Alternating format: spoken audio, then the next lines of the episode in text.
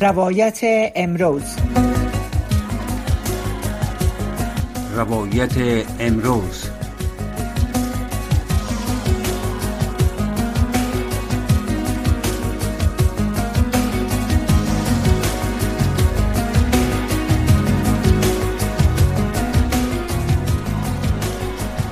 شنونده های عزیز سلام به برنامه روایت امروز از رادیو آشنا صدای امریکا خوش آمدید. آرزو دارم هر جو هستین. صحت و سلامت باشین و همچنان برنامه های رادیو آشنا صدای امریکا را بشنوین و ببینین.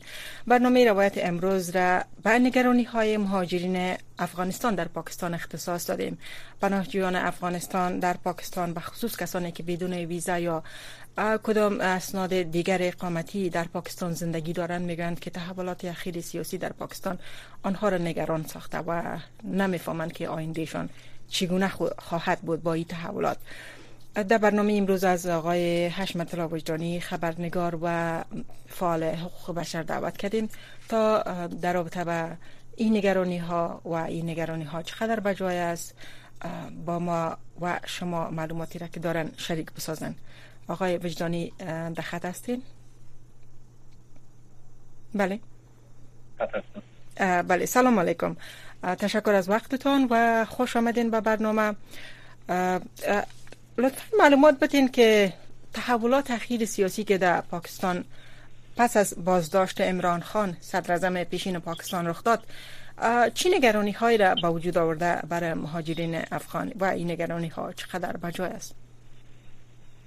در قدم نخست سلام و احترامات خود خدمت شما و خدمت شنونده های نهایت گرامی شما تقدیم می کنم تحولات اخیر در پاکستان بعد از بازداشت صدر اعظم قبلی پاکستان آقای امران خان نگرانی ها را در به مهاجرینی که در پاکستان زندگی می‌کنند به وجود آورده طوری که شما در جریان هستین از زمان بازداشت آقای خان در پاکستان شبکات مخابراتی در پاکستان قطع شد و در کناری که شبکه های مخابراتی قطع شد دسترسی به اینترنت یکی از چالش های بسیار بزرگی از در پاکستان دسترسی به صفحات اجتماعی یکی از چالش دیگی است.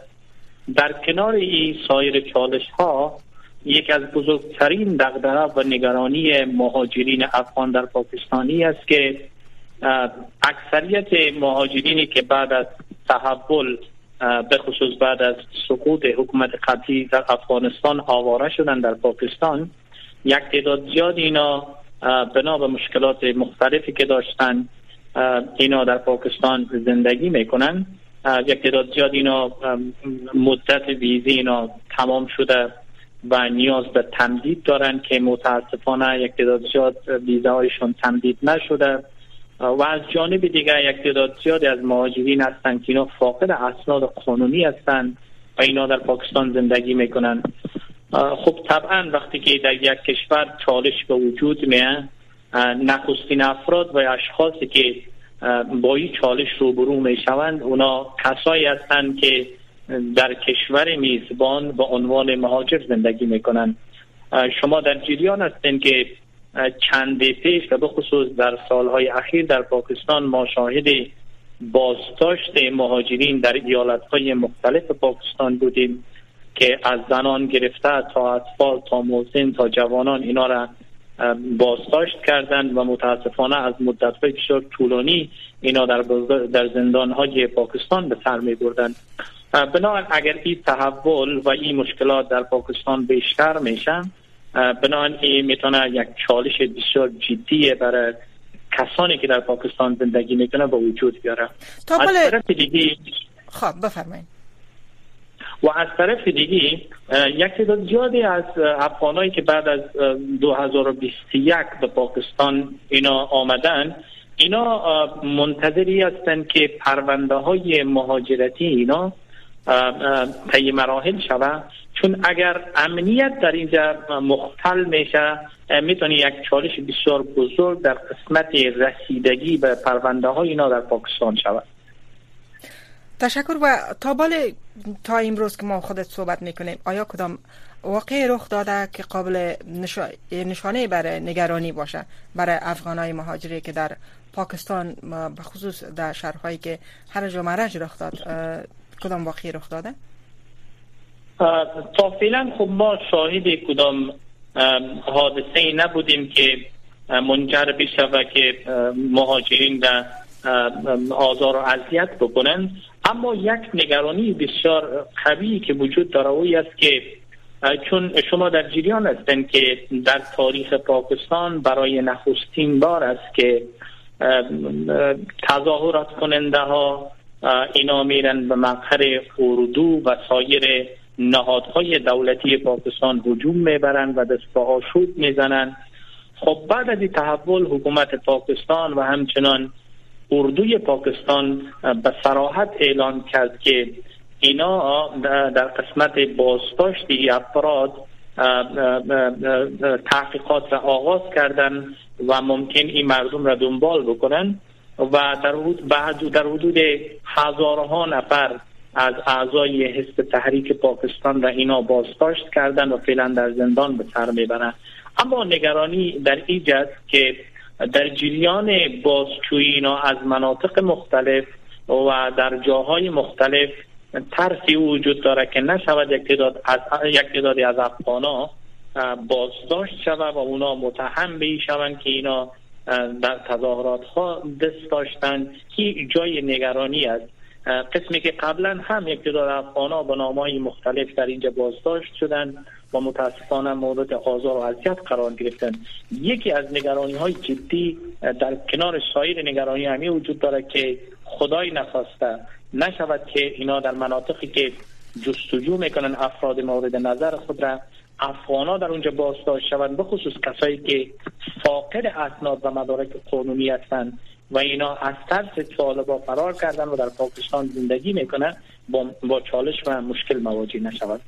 با تایید گپ شما باید میجا یک چیزی را بگوییم که البته شنونده های گرامی شهباز شریف صدر اعظم پاکستان روز شنبه البته دستور داده تا همه افرادی که در اعمال خشونت آمیز روزهای اخیر دست داشتن شناسایی و دستگیر شوند و این هم می‌تونه یک نگرانی برای افغان های پناهنده در پاکستان باشه. طوری آقای وجدانی گفتن آقای وجدانی معلومات شما چیز ورود روزانه بسیار تعداد زیادی از افغان ها با یا به خاطر پناهندگی یا به خاطر کارایشان یا به خاطر مریضی به هر موضوعی که باشه وارد پاکستان میشن. ورود پاک افغانایی که وارد پاکستان میشن هم محدود شده. تاثیر این وضعیت روی آمد رفت هم داشته؟ بدون شک که تاثیر بسیار زیادی داشتن. تا جایی که من با, با, با افغانا در تماس هستم اکثریت کسایی که خانه سفر به پاکستان بودن و اونا کوشش می‌کنن که به خصوص بعد از تحول اخیر در پاکستان از آمدن با پاکستان ممانعت بکنن و کوشش نکنن که اونا به طرف پاکستان بین.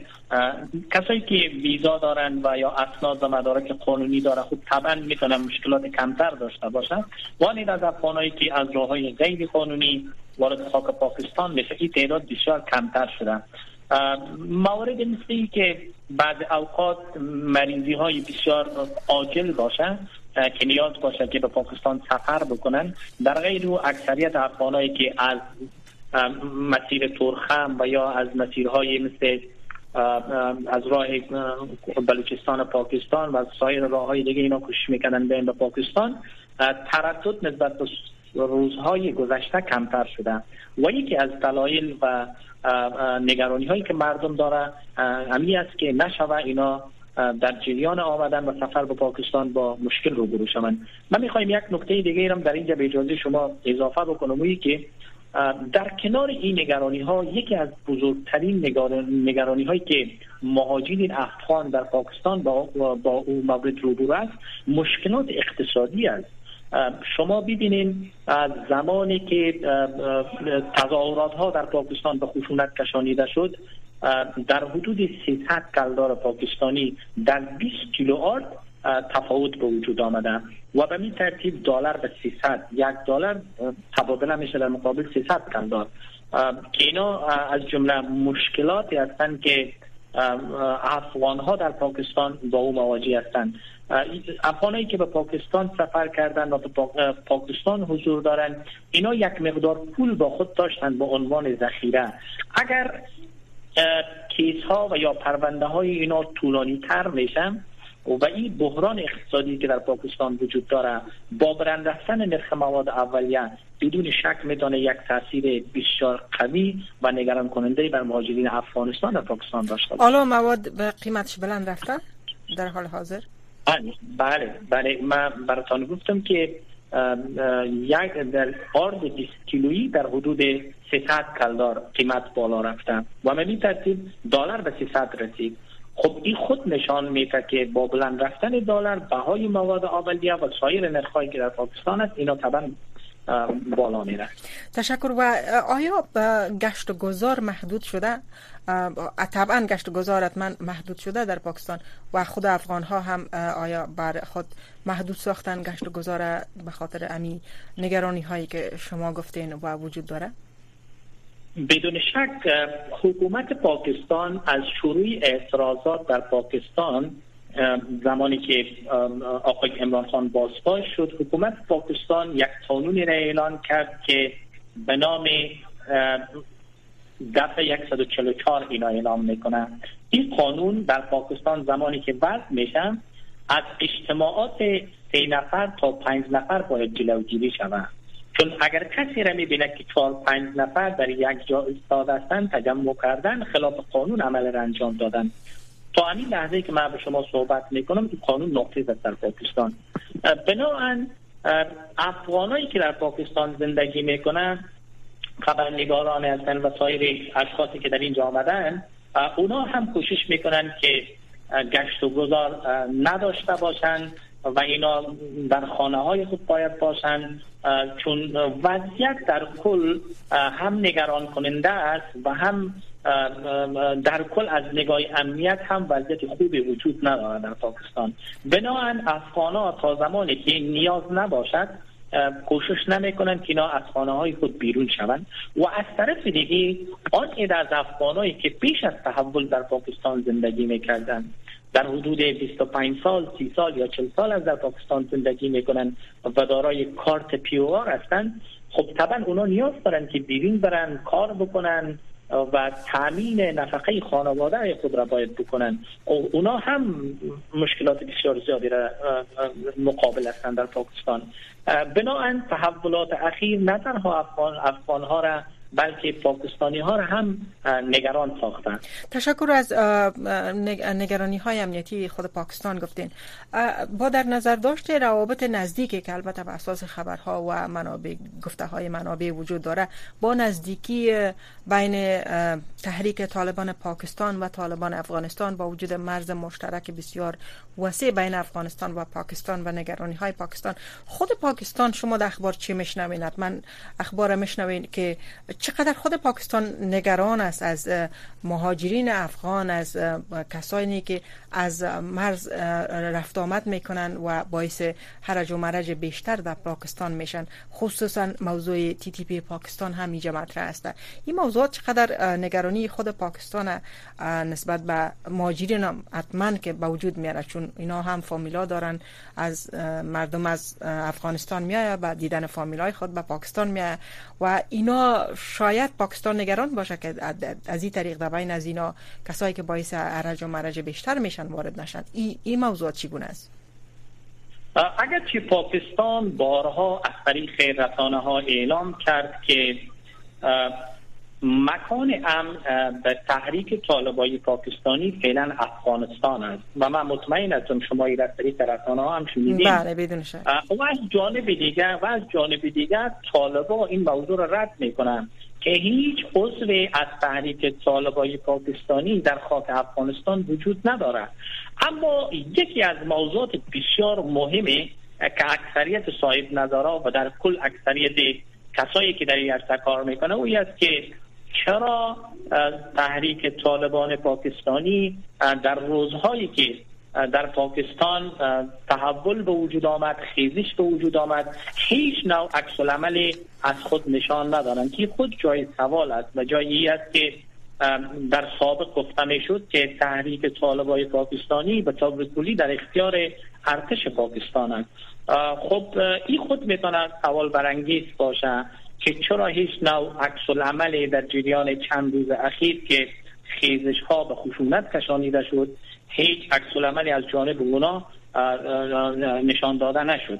و از طرف دیگه که مردمایی که به عنوان پناهنده و یا به عنوان پناهجو در خاک پاکستان زندگی می‌کنن اینا افرادی هستند که هیچ نوع ارتباط با سازمان های تروریستی با نهادهای مرتبط به تحریک طالبای پاکستانی وجود نداره. در اصل اینا خودشان قربانی هستند و اون قربانی باعث شده که اینا فرار بکنن و بین در پاکستان زندگی بکنن. شما ببینید اشخاص و افرادی که بعد از 2021 به پاکستان سرازیر شدن اینا در کتگوری های مختلفی وجود دارن. مثل خبرنگاران مثل فعالین مدنی مثل فعالین حقوق بشر مثل نظامیان سابق و مثل کارمندان سابقی در حکومت قبلی کار می‌کردن و اکثریت اینا با تهدیدهای مختلف روبرو بودن یک تعداد زیاد از خانواده ها به دلیلی که دختران اینا به تحصیل خود در افغانستان نتوانستن ادامه بدن که متاسفانه در حدود بیشتر از 600 روز میگذره. اونا مجبور شدن به خاطری که اونا بتونن آینده خوبتر و بهتری داشته باشن اونا آمدن در پاکستان مسکن گزین شدن. خب اینا وقتی که خودشان قربانی هستن چگونه می‌تونن با یک یک یک یک نهاد تروریستی دیگه بتونن ارتباط داشته باشن؟ تشکر بسیار زیاد. البته می‌دانین وقتی که تحولات کلان در کشور رخ میته مثلا امروز در ترکیه انتخابات بود. مردم پای صندوق های رای رفتن. و رئیس جمهور و اعضای پارلمان انتخاب می‌کردن. یکی از موضوعات نگرانی های مهاجرین بود و یکی از نگرانی های عمده بود که اگر حزب مخالف رجب طیب اردوغان برنده شود انتخابات اونا محدود می‌سازن ورود مهاجرین و زندگی مهاجرین در داخل با مشکل مواجه بسازن. این تحولات است که البته همیشه موضوع مهاجرین مطرح میشه. بعد از از این تحولات در پاکستان آیا دید رسانه های پاکستان چگونه است در مورد رسانه ها هر کشور است. امو پالیسی هایش یا سیاست هایش از طریق رسانه ها ابراز میشه بیان میشه به نوعی انکاس پیدا می‌کنه. رسانه های پاکستان دیدشان در رابطه با مهاجرین چگونه است در روزها؟ به خصوص بعد از این تحولات اینا دید منفی دارن خصوصا در رابطه با مهاجرین افغان که در اواخر وارد پاکستان شدن و اونو اسناد هم ندارن. اصلا رسانه های پاکستان نگرانی از این وجود داره من می‌خوایم دو نکته بسیار مهمه را برای شما تذکر بکنم در این قسمت. نکته اولی که بار اول است در تاریخ 75 یا 76 ساله حکومت پاکستان و زمانی که پاکستان تأسیس شده بار اول است در تاریخ پاکستان که مردم به جاده ها میریزند و علیه ارتش و یا اردوی پاکستان شعار میتن در تاریخ پاکستان بی پیشینه است. و در کنار اینا امران خان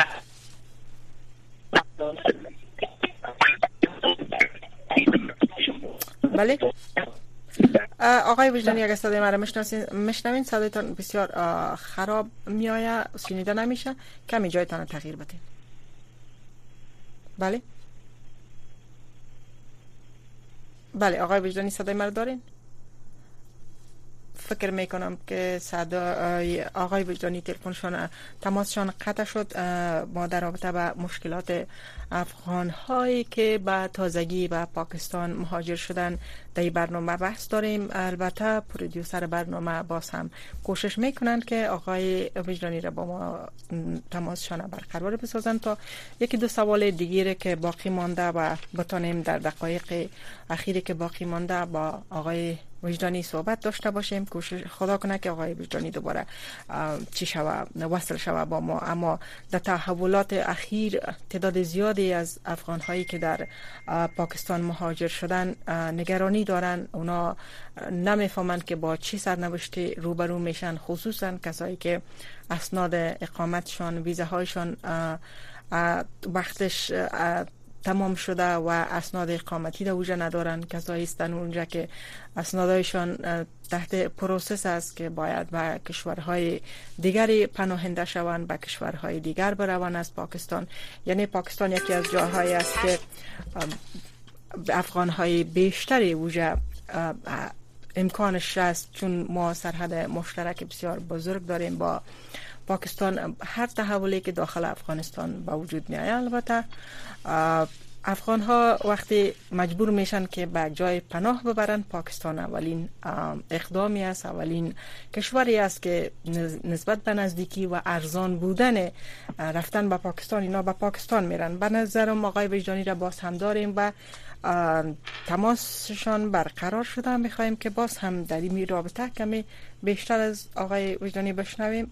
آقای وجدانی در خط هستیم بله بفرمایید. بله تماس شما متاسفانه قطع شد. بازم خوب است که دوباره هستین در برنامه. خب شما در رابطه با این گفت می‌خواستین بگوین فکر کنم که عمران خان صدر پیشین پاکستان که به قید زمانت آزاد شده حالا از طرفدارایش خواسته که تظاهرات گسترده‌تر راه اندازی کنن درست از این موضوع در خبرها بوده و ما می‌خواهیم که تاثیر از و هیچ قدر می‌تونه باعث نگرانی بیشتر برای مهاجرین افغان در پاکستان شود البته ارتباطش چی است با وضعیت افغان هایی که در پاکستان سکونت گزینند اگر اجازه بدین من می‌خوایم دو مورد در بار دوم تکرار بکنم. بفرمایید. گفتم در قدم نخست در تاریخ 76 ساله پاکستان نخستین بار است مردمی که با ارتش پاکستان احترام بیش از حد داشتن به جاده ها بریزن و در مقابل ارتش شعار بزن و همچنان در کنار اینا هجوم ببرن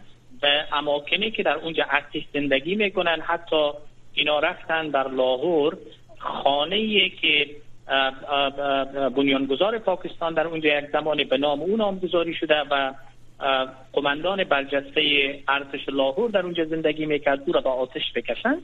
یک چالش بسیار بزرگی را در رسانه های پاکستان به وجود آورده. در کنار این امران خان نخستین صدر در تاریخ پاکستان است که اینا در تقابل با ارتش قدرتمند پاکستان قرار می‌گیره یک یک یک نگرانی دیگه است. در سابق در گذشته ها هیچ نخست وزیر یا صدر در پاکستان میاد